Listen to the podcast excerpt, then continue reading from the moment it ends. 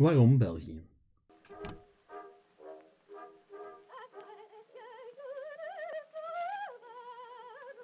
Welkom bij Waarom België. Vandaag gaan we het hebben over Willem I. Willem I, een Verenigd Koninkrijk der Nederlanden, maar we beginnen bij onze vriend Willem. Want was Willem niet zo verdomd Willem geweest, dan had het misschien nooit tot België moeten komen. Maar dat is voor later. Eigenlijk volgende week. Vandaag hebben we het over de hereniging van Noord en Zuid in het glorieuze Verenigd Koninkrijk der Nederlanden. Welkom bij het Waarom van België. Sinds de scheiding, u weet wel dat akkefietje met de Spanjaarden en de splitsing in Noord en Zuid, bla bla bla. Wel, sinds die scheiding hebben wij vooral het zuiden in de gaten gehouden en slechts terloops aandacht besteed aan de noorderburen. Vandaag halen we die schade een beetje in, omdat we anders niet gaan begrijpen waarom die uiteindelijke hereniging misgelopen is. Goed, herinnert u zich nog dat na 1585 de zuidelijke Nederlanden ja, katholieker dan katholiek werden en uiteindelijk zelfs conservatiever dan de Oostenrijkse keizer waren geworden. Wel, in het noorden deed zich op zijn zachtst gezegd een andere ontwikkeling voor. Om te beginnen was er niet langer sprake van, van een monarchie, maar van een republiek. En daar moet zich geen heel erg republikeinsche republiek bij voorstellen. Er was dan wel geen koning meer, maar in de figuur van de stadhouder kwamen ze bij momenten wel heel dichtbij. Initieel was de stadhouder een plaatsvervanger van de vorst in een gewest. En met de verlatingsakte was natuurlijk van een vorst geen sprake meer. Dus zou je kunnen denken dat die stadhouder eigenlijk een nutloze functie geworden is. Geen koning, geen stadhouder. En toch bleef men die functie in stand houden in het noorden. Meer zelfs, ze werd erfelijk. En al was er af en toe wel een intern conflictje, over het algemeen was de stadhouder van Holland zoals het officieuze staatshoofd van de republiek. Op de stadhouderloze tijdperken na natuurlijk, maar dat gaat ons echt te ver leiden. Goed, geen koning, maar een stadhouder. Was er nog iets anders? Ja, religie natuurlijk. De republiek was protestant en dan nog vooral Calvinistisch. Nog iets, ja, de economie. De republiek zou zich in de loop van de 17e eeuw fanatiek op de handel storten. En een grote rol beginnen te spelen in de ontluikende wereldhandel. Slaven, specerijen, koffie en allerhande. Ja, de Nederlanders verhandelden het allemaal. En had tussendoor ook nog eens tijd om een heleboel kolonies te stichten. En van dat soort zaken was in het zuiden allemaal geen sprake. Goed, tot daar een veel te kort en helemaal, helemaal onnauwkeurig overzicht van de geschiedenis van de Republiek tot de geboorte van de Willem die later Willem I zou worden. Deze Willem werd in 1772 geboren als de zoon van Willem V van Oranje, de toenmalige stadhouder. En die Willem die zou naar alle verwachtingen van die tijd later zelf Willem VI worden. Maar er kwam iets tussen. Iets zijnde de Franse Revolutie. Want de Fransen die kregen niet alleen de zuidelijke, maar ook de noordelijke Nederlanden in handen. En in 1795 moesten de Willems vluchten naar Nederland. De republiek die werd getransformeerd in een Franse marionettenrepubliek, genaamd de Bataafse Republiek. Bataafs, want dat was toevallig de naam van stammen die ten tijde van de Romeinen in het gebied leden, bla bla bla bla. Als je zich de eerste aflevering nog herinnert met een stukje over de Belgai, dan weet je al hoe dat stuk in elkaar steekt. In elk geval, later wordt dan een koninkrijk met de broer van Napoleon. Nu, ook dat gaat ons te ver leiden. Nu, de jonge Willem die gaat proberen om de Nederlanden terug te krijgen. Hij gaat daarvoor zowel met de Pruisen als met Napoleon aanpappen om Nederland terug te krijgen, maar bleek vooral afwachten tot die Napoleon verslagen werd. Willem kon in 1813 al terugkeren, maar niet als stadhouder, maar als koning. Als Willem I in plaats van Willem VI. En niet als koning van Nederland, maar als koning van het Verenigde Koninkrijk der Nederlanden. En dat brengt enkele vragen met zich mee. Waarom was die man plots koning en geen stadhouder, zoals zijn wijlen vader? Ja, in de eerste plaats omdat de coalitie Napoleon had verslaan, ja, die had voorlopig haar buik vol van republieken. En al was de Nederlandse Republiek van de 16e, 17e en 18e eeuw niet bepaald een voorbeeld van vrijheid, gelijkheid en broederlijkheid, voor de Russen, de Pruisen en de Oostenrijkers was elke republiek, hoe oligarchisch ook, hoe elitair ook, er één te veel. Er moest dus een koning komen. En waarom moest dat stukje zuidelijke Nederland bij het noorden aangelast worden? Ten eerste omdat niemand het echt wou.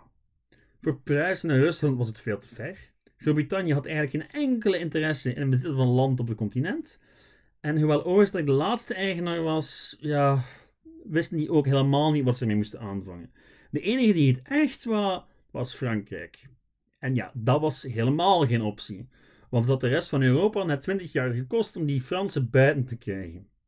En net daarom was onafhankelijkheid ook geen oplossing. De rest van Europa was namelijk doodsbenauwd dat Frankrijk een zwak grenslandje zonder al te veel problemen zou kunnen annexeren. En voor je het wist was iedereen weer vertrokken voor twee decennia oorlog. Tegelijkertijd, laat ons eerlijk zijn, er was in de zuidelijke Nederlanden toen niemand die echt geïnteresseerd was in onafhankelijkheid. Voor zover we weten waren de meningen wat verdeeld. Sommigen wilden bij Frankrijk blijven, anderen wilden terug naar Oostenrijk en nog anderen wilden terug naar Nederland. Het werd uiteindelijk Nederland. Het werd Nederland omdat men door het samenvoegen van die twee kleine landjes een middelgrote staat kon creëren. Een staat die hopelijk wat beter weerstand zou kunnen bieden aan de Franse druk. Een bufferstaat dus. En het was dus inderdaad de internationale politiek die aan de basis lag van dat Verenigd Koninkrijk, niet de wil van de onderdanen. En dat gaat een probleem worden. Want ja, die hereniging waar generaties Nederlanders, voor gevochten hadden, was de realiteit. Maar niet meer omdat zij dat zo graag wouden, maar even omdat een heleboel diplomaten en heersers in Europese hoofdsteden dat als de beste oplossing zagen. En hoe gaat dat dan werken? Hoe gaat zo'n land gaan werken dat dat samenkomt na een scheiding van meer dan 200 jaar? Antwoord: met het nodige gepruts. En dat gepruts begon al met de grondwet.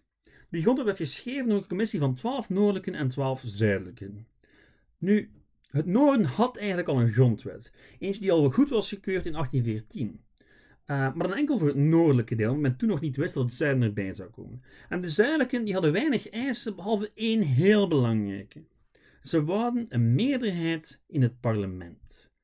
En waarom een meerderheid? Wel, omdat in tegenstelling tot nu het zuiden eigenlijk een grotere bevolking had dan het noorden. Het was een verhouding van 60-40 om precies te zijn.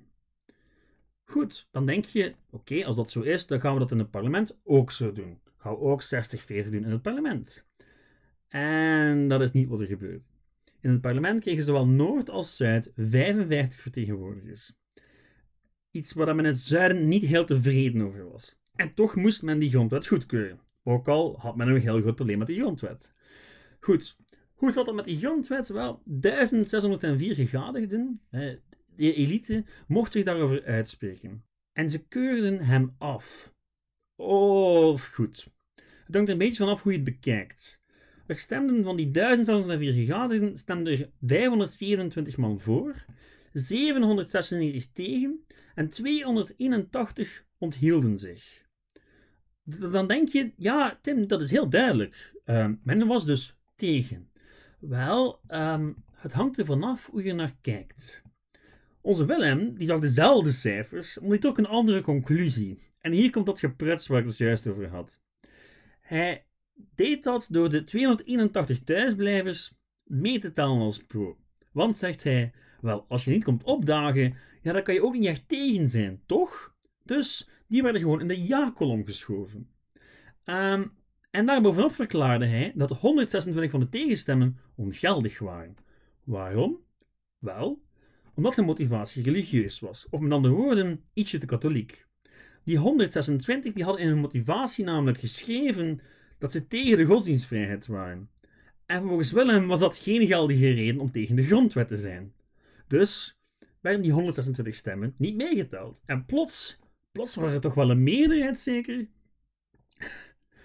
Goed, bovenstaande wiskundige logica, die trouwens niet zou bestaan in de Bananenrepubliek, ja, die werd bestemd als Hollandse rekenkunde.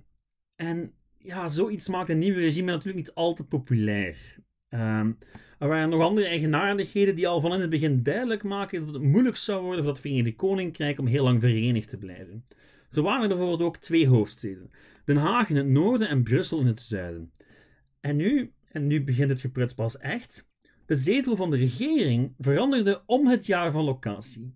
Elk jaar verhuisde dus het hele bestuursapparaat van de ene stad naar de andere. Prachtig toch?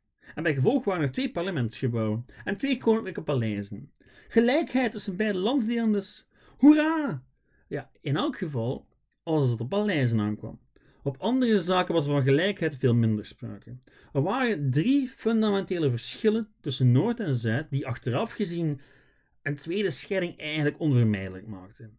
Taal, godsdienst en economie. Op al deze vlakken had Willem een bepaalde visie.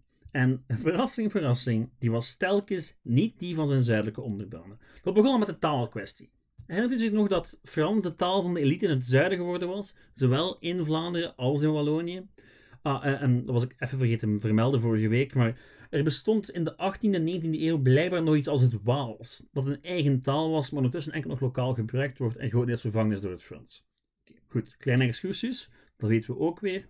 Feit is dat toen Willem besloot dat Nederlands de bestuurstaal zou worden, in de overwegend Nederlandstalige regio's van zijn rijk, ja, dat niet goed viel bij zij die het meest met bestuur in aanraking kwamen, de Frans sprekende elite.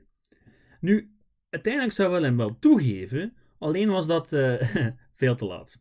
4 juni 1830, twee maanden voor de eigenlijke revolutie losbarsten zou, en eigenlijk veel te laat, want de spanningen waren op dat moment al 15 jaar aan het groeien. En dan was nog dat andere euvel. Misschien wel het grootste verschil tussen Noord en Zuid was ontstaan na de scheiding, het religieuze verschil. Willem was niet bepaald een verzoenende figuur. En die ging dan ook de richting uit van Willem Jozef II met zijn religieuze beleid. U weet wel, Jozef II, die Oostenrijkse keizer die de eerste Belgische revolutie, oftewel de Brabantse omwenteling, uitlokte, die, die Jozef dus. Dus het onderwijs werd nog meer eens uit de handen van de kerk genomen. De opleiding van priesters werd nog maar eens gecontroleerd door de overheid. En het was over het algemeen ook gewoon moeilijk voor katholieken om carrière te maken in het leger of de administratie van het Verenigde Koninkrijk.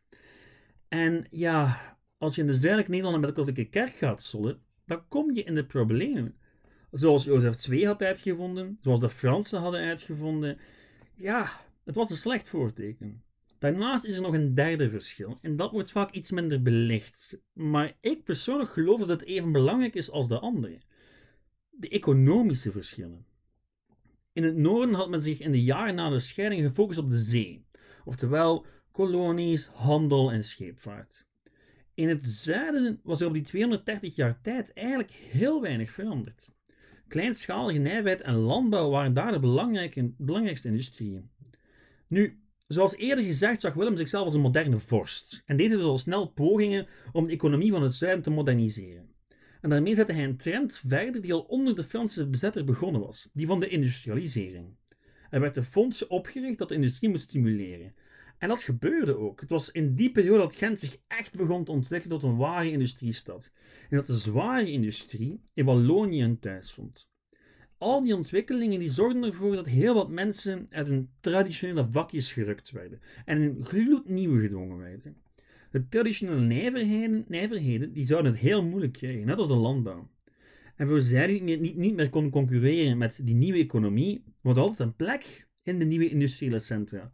Al was het leven daar vaak ja, een stuk minder comfortabel. Dus mag het geen verrassing zijn dat de beide liberale Franstalige burgerij, de klerus en ook de zogenaamde derde stand in 1830 veel reden had om niet, niet blij te zijn met Willem.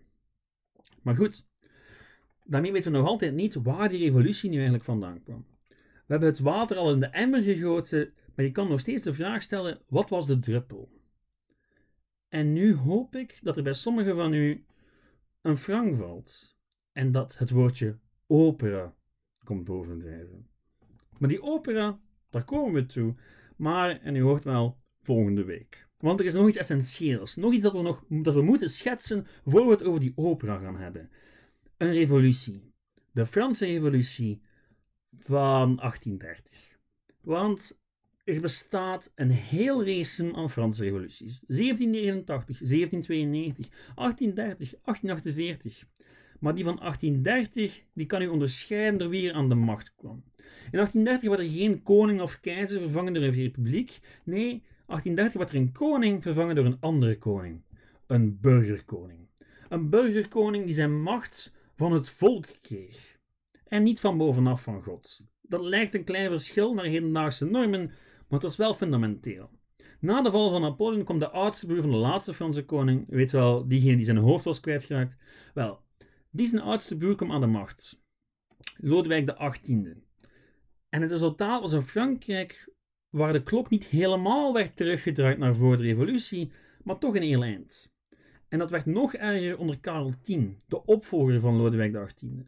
De macht kwam weer van God bij deze Karel en de beperkte democratie en vrijheden ja, die werden terug ingeperkt. En toch wou men niet terug naar een republiek. Men wou die Karel weg, maar ja, een republiek was misschien net ietsje te radicaal. Het resultaat was dat na een korte revolutie er een liberale telg van de koninklijke familie op de troon geplaatst werd. En daarmee werd Frankrijk een grondwettelijke monarchie. Louis-Philippe I was dus niet de koning van Frankrijk, maar de koning der Fransen. En waarom ik dat er weer allemaal bijgooi? Wel, al die revolutionaire energie van Parijs, de roep om rechten en, en dergelijke meer, ja, die zal zijn weg naar Brussel vinden en uiting krijgen tijdens een opera. Want ja, na acht afleveringen zijn we eindelijk zover. Volgende week, lieve mensen, in aflevering 9 gaan we naar de opera. En ik zie u dan, wel, ik hoor dat u dan weer luistert. Ik hoop ook dat u zich abonneert, dat u liked, dat u reviews schrijft op iTunes, al die dingen. Om mensen te laten weten over de podcast. Heel erg bedankt voor het luisteren en tot volgende week. Dan zetten we de laatste stap richting het warm van België. Bedankt voor het luisteren. Dag.